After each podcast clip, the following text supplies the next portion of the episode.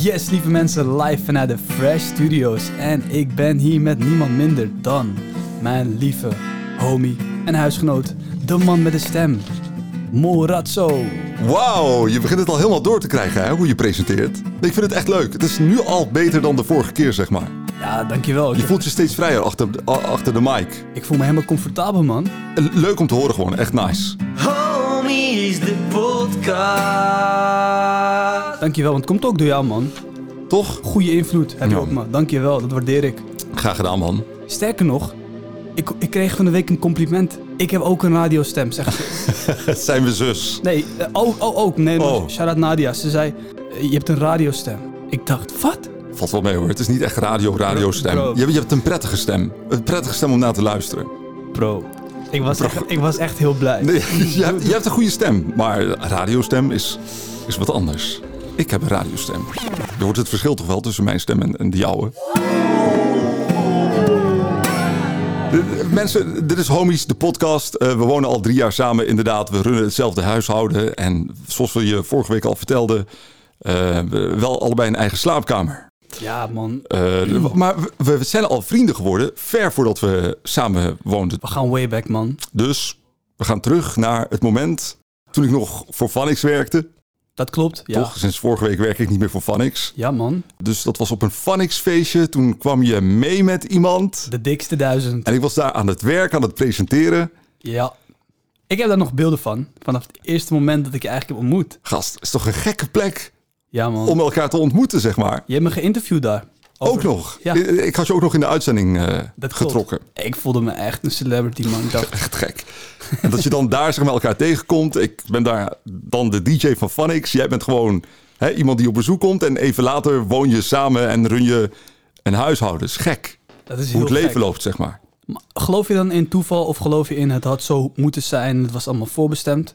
Nee, maar er- liepen eh, meer dan duizend mensen rond. Dus ik had ook iemand anders kunnen ontmoeten met wie ik uiteindelijk een klik had. Maar dat is het dus juist. Het is toch...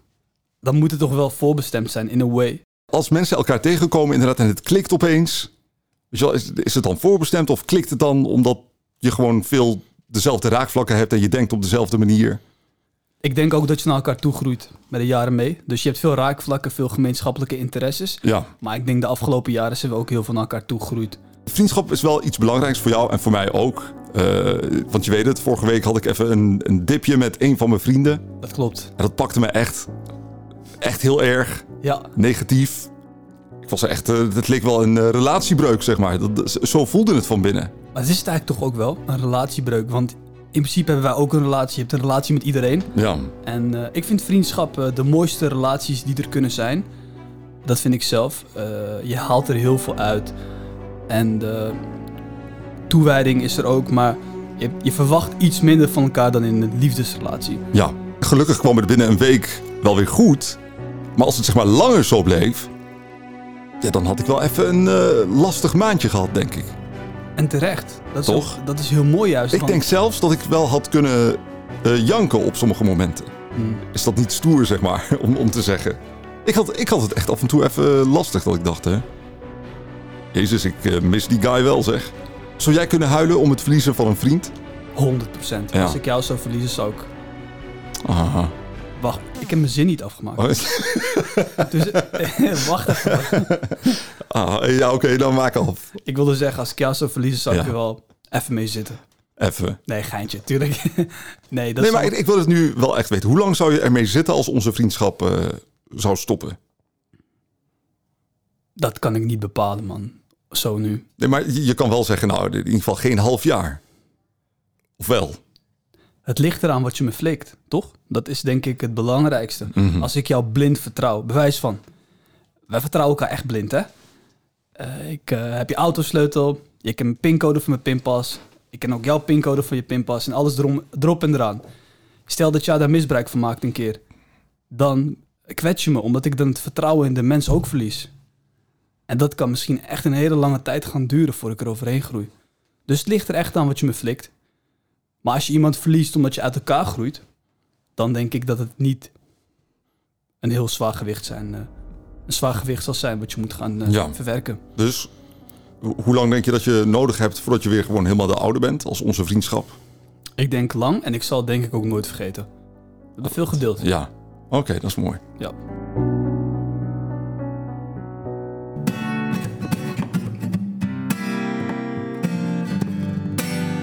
Hoe was je week eigenlijk verder, Morad? Ik ben eigenlijk benieuwd. Eh, Het was een bijzondere week, het was een heftige week, want je hebt natuurlijk onderworpen aan de 30-day challenge. Je bent natuurlijk de atleet. Mensen kennen jou als eh, de man die halfnaakt op Instagram gaat.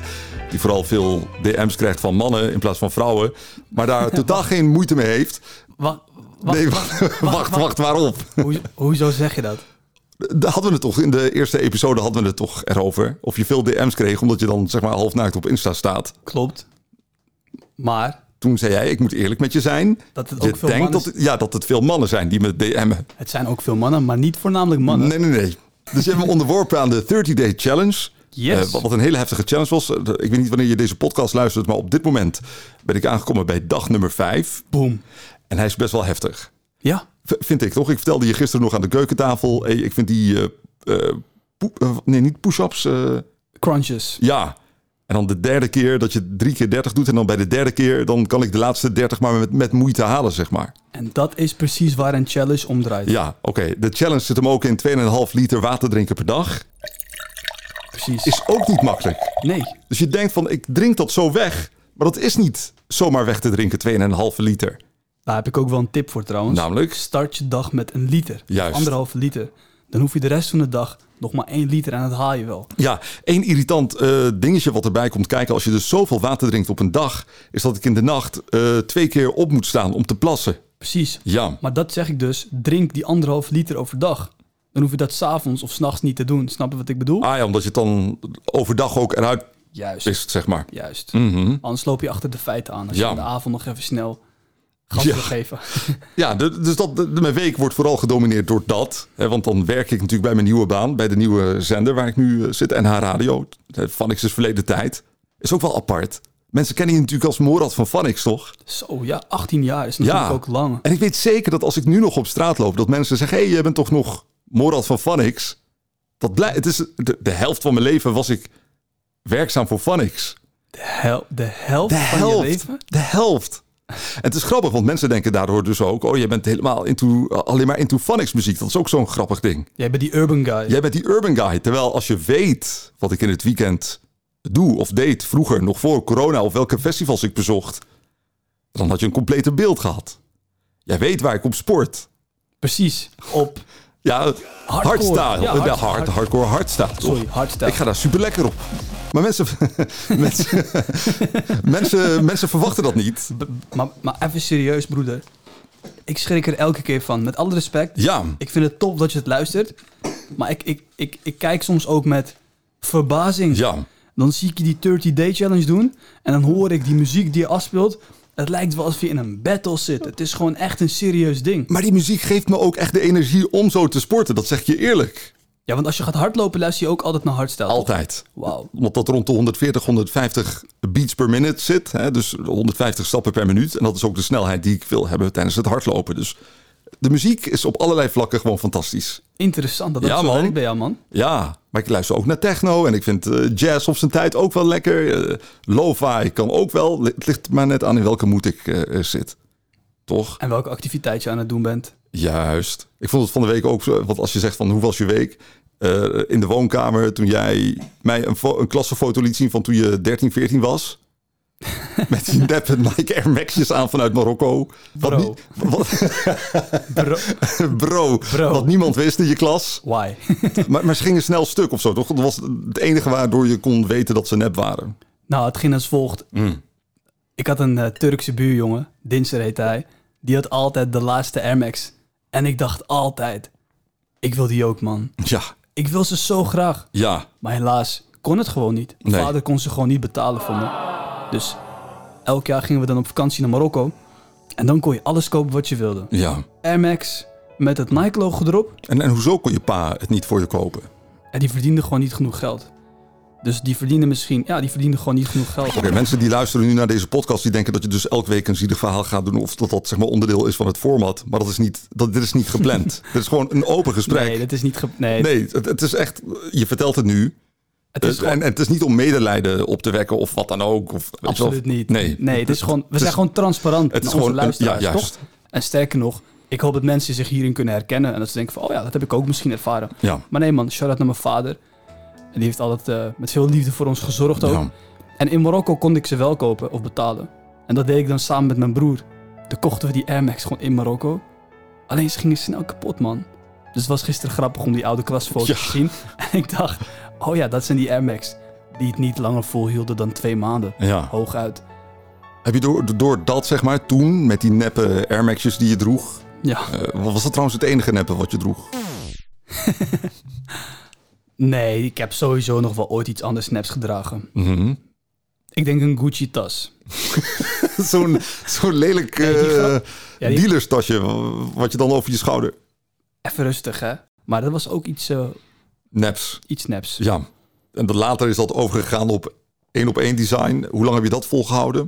Dat was één op één die Oh, dat, was, dat begon toen al. Nee, dat was gewoon één op één of nep. En het werd Ja. verkocht als echt. Alleen, Mhm. weet je, hij die het niet heeft, wil het graag laten zien. Ja, En dat was ook op die Ja, leeftijd. ja. Ik had het niet, maar ik wilde wel graag die persoon zijn. En het is ook de middelbare school. Sociale druk, je hoort erbij. Je wil gewoon jezelf graag bewijzen. En dat deed ik op die manier. Ja, man. Als je nu naar jezelf kijkt, hè, vandaag de dag. Ja, eh, als je kijkt naar wat, wat echt is en wat niet. Hoe echt ben jij dan? Zeg maar in, in procenten uitgedrukt. zo. Naar mezelf toe, 100%. Ja. Ja, naar mezelf toe ben ik eh, heel echt. En naar buiten toe, wat we zien. Iedereen heeft een andere versie van mij in zijn hoofd. Ja. Dus iedereen zal, jij zal een hele andere versie hebben van Suleiman. En een andere persoon ook. En als jullie samen over mij zullen praten, zal je misschien denken dat ik niet echt ben. Maar dat is niet het geval. Hij heeft gewoon een andere versie in zijn hoofd van mij.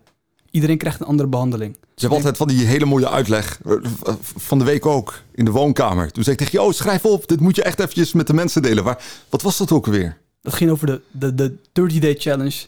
De reden waarom ik een challenge heb uitgeschreven...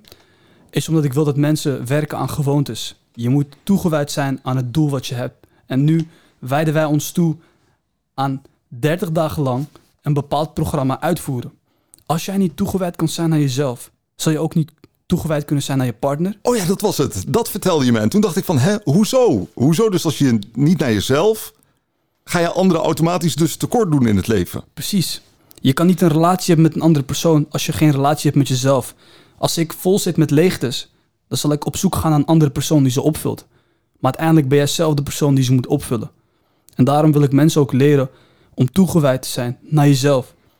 Als je jezelf voor de gek kan houden, dan kan je iedereen voor de gek houden.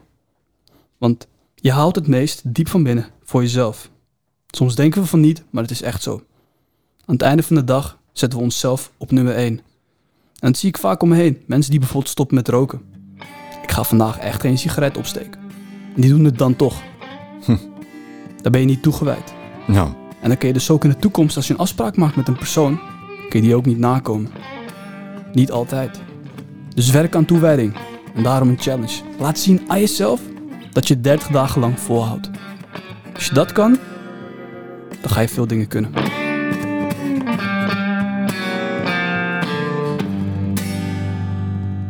Eh, De zomer komt eraan. We weten niet of we naar festivals kunnen. Dat is toch wel echt een belangrijk deel van ons leven. Eh, Voor mij, ook de jouwe toch. Ook voor mij, inderdaad. Ik vind entertainment heel belangrijk. En er worden al kaarten verkocht voor festivals voor in september. De- En elke dag hoor ik weer een nieuwsbericht over een festival wat weer begonnen is met de kaartverkoop. Alleen ik vraag me af, hoe reëel is het nou echt dat die festivals straks doorgaan? Dus ik bel met eh, een, een organisator die eh, artiesten heeft en concepten bedenkt en die op festivals neerzet. Om hem eens te vragen van hoeveel procent kans bestaat er dat dit jaar de festivals echt doorgaan? Yo, Aan de telefoon Harris, programmeur bij Club Moens in Rotterdam. Die natuurlijk ook al sinds de coronacrisis geen ene euro omzet draait en de deuren dicht heeft. Harris, goeiedag. goeiedag Morad. Yo, eh, ik zit hier samen met eh, Sol en we hebben het over festivals dit jaar 2021. Kaartverkopen is hier en daar al begonnen. Wat gebeurt er man? Ja, nou ja, eh, dat is natuurlijk in gang gekomen doordat eh, de overheid net als in Duitsland een garantiefonds heeft samengesteld. eh, akkoord heeft gegeven op de garantiefonds voor grote evenementen. Zodat die in ieder geval gaan beginnen met de voorbereidingen ervan. Zo zijn dus heel veel festivals nu verschoven naar het later in het jaar. Want die garantiefonds geldt wel vanaf, voor evenementen vanaf 1 juli. En gaan ze voorbereidingen treffen. Digital is vandaag online gegaan. Afgelopen week strafwerk. Er Oh my hoop. god. Wacht even. Digital gewoon. We worden helemaal blij als we dat horen, zeg maar. Dus er is een kans dat digital... Oké. Iedereen doet nu een aanbetaling. En op het moment dat het festival doorgaat, eh, doe je de rest eh, van de betaling. En anders krijg je geld terug. Kijk, jij bent programmeur bij de Muns in eh, Rotterdam. Maar jij bedenkt ook concepten die dan weg worden gezet eh, op allerlei festivals. Ja, ik weet, wat- wat zegt jouw gevoel je? Dat, dat- Ja, lastig. Ik, ik, ik denk eerlijk gezegd, ehm, op het moment dat die vaccinaties misschien eh, sneller gaan, eh, want we gaan nu veel te natuurlijk, en eh, dat de besmettingen weer afdwalen, afdalen richting de zomer, dan is, er een, dan, dan is er misschien wel een kans dat we festivals kunnen organiseren. En in maart beginnen ze ook met testevenementen vanuit Mojo en IDT. Eh, ze beginnen dan op het terrein van Lowlands als eerste met 3000 man. Dus de vanaf, resultaten daarvan wacht, moeten- even, vanaf wanneer? ja, ze gaan in maart gaan ze op het terrein van eh, Lowlands in Biddinghuizen gaan ze, gaan ze testevenementen doen. Hè? Eh, de organisatie van Lowlands. Ja, met 3000 man. Holy shit. Maar dat is toch dik? Of niet? Of ben ik nu gewoon super enthousiast voor niks?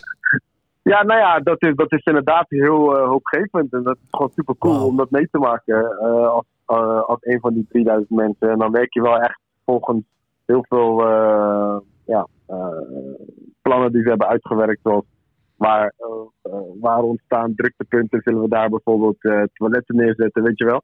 Dus daar, eh, met dat soort eh, resultaten gaan ze dan terug naar het kabinet. En dan eh, moeten we maar nog eh, even kijken hoe dat, eh, wat de resultaten daarvan zijn. In Barcelona is dat heel goed eh, uitgepakt. Is dat heel goed uitgepakt met nul eh, besmettingen uiteindelijk.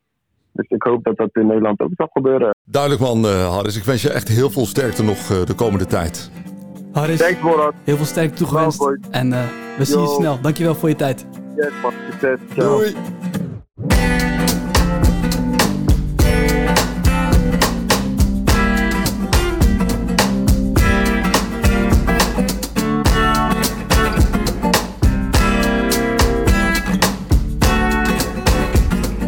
Homies, de podcast. Je had dat verhaal gelezen toch op mijn eh, Instagram-account over die Keniaanse jongen die... eh, Ja, man. Zo. Dus Zo. die is, eh, vanuit Kenia is eh, met het vliegtuig helemaal tot aan Maastricht gekomen in de wielkast. Je weet hoe riskant dat is. Oh, zo, dat doen ze ook van Marokko naar Spanje toch, die grensovergang.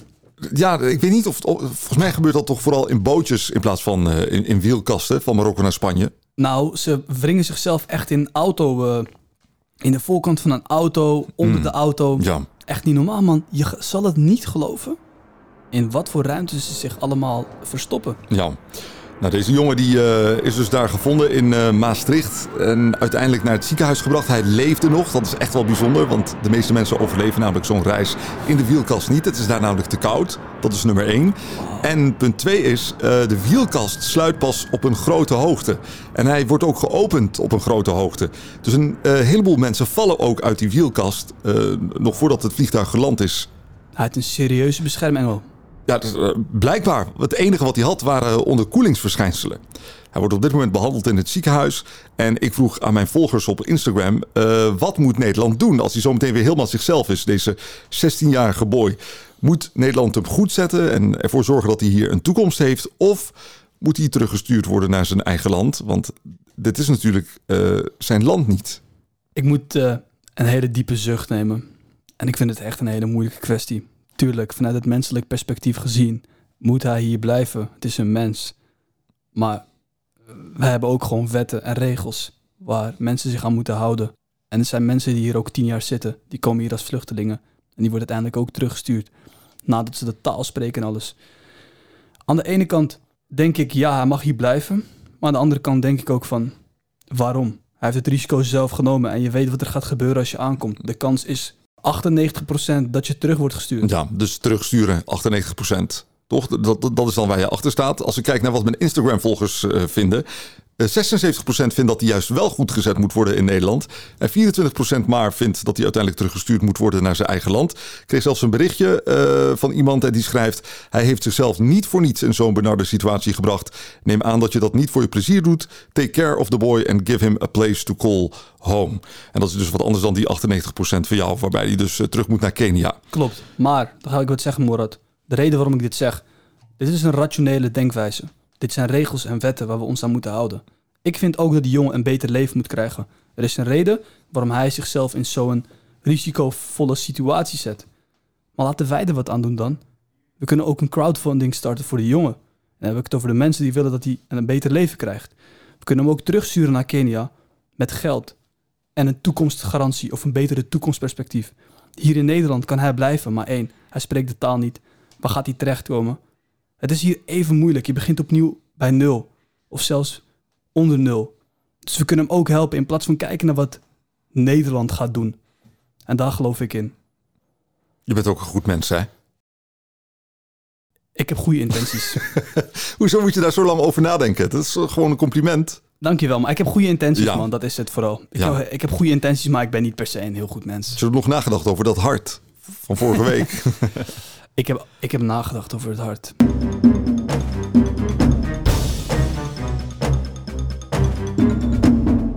Ik had het niet gedaan. ja, Daar ben ik gewoon heel eerlijk en open ja. over. Ik wist het al hoor. Ik, ik ken je natuurlijk goed. Ik bedoel, kijk, Ja, je na- moet, voor de mensen die aflevering 1 hebben gemist.